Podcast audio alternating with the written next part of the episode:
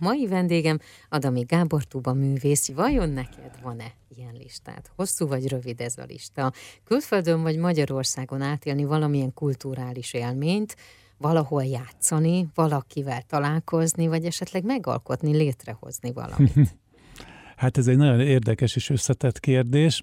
Ugye már lassan 30 éve játszom a Magyar Állami Operaház szimfonikus zenekarában, és ez egy nagyon nagy élmény, öröm és megtiszteltetés számomra minden egyes alkalom, amikor a tubát a kezembe vehetem, annak, annak nagyon örülök nagyon sokat álmodoztam róla fiatalabb koromban, hogy hú, hát milyen jó lenne a Carnegie Hallba játszani. Most eszembe jutott egy idézet a Becstelen Brigantik című filmből, ahol valaminek kapcsán szóba került, hogy hogy lehet bejutni a Carnegie Hallba. Hát sok gyakorlással ez, ez volt a válasz a főhősünknek, úgyhogy én úgy gondolom, hogy nagyon sokat gyakoroltam, meg óriási szerencsém is volt, hogy 2018-ban a Opera Társulattal New Yorkban vehettünk részt, ahol egy néhány előadást játszottunk a Koch Theaterbe, és volt bizony egy szimfonikus zenekarunk is, zenekari koncert is a Carnegie Hallban, úgyhogy én nagyon boldog voltam, hogy oda eljuthattam, és a legendás színpadon, meg a legendás akusztikában muzsikálhattam.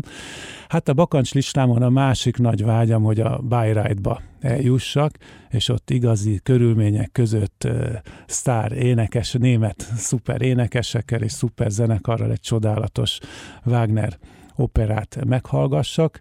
Egyrészt nekem a szívem csücsöke a, a Ring tetralógia Richard Wagnertől, ahol ugyebár a tubának nagyon nagy szerepet szánt a mester.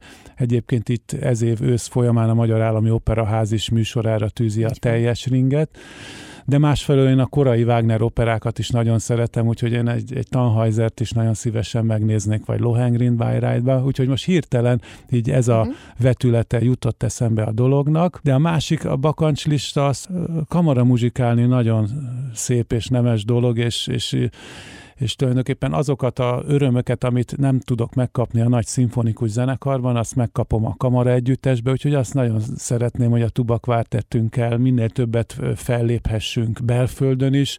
Játszottunk többek között a Művészetek Völgyében, sok évvel ezelőtt a Zempléni Fesztiválon, ezek mind-mind ilyen nagy kihívások és nagy megtiszteltetés volt az együttesnek, hogy muzsikálhassunk.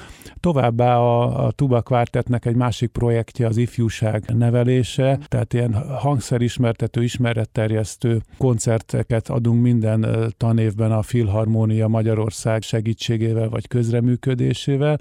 Úgyhogy én azt kívánom magunknak, hogy kapjunk még minél több ilyen felkérést a jövőben is, és itt a szeretett hangszerünket minél jobban képviselhessük itthon. Én is ezt kívánom, hogy minden, minden teljesüljön. Köszönöm. Köszönöm szépen.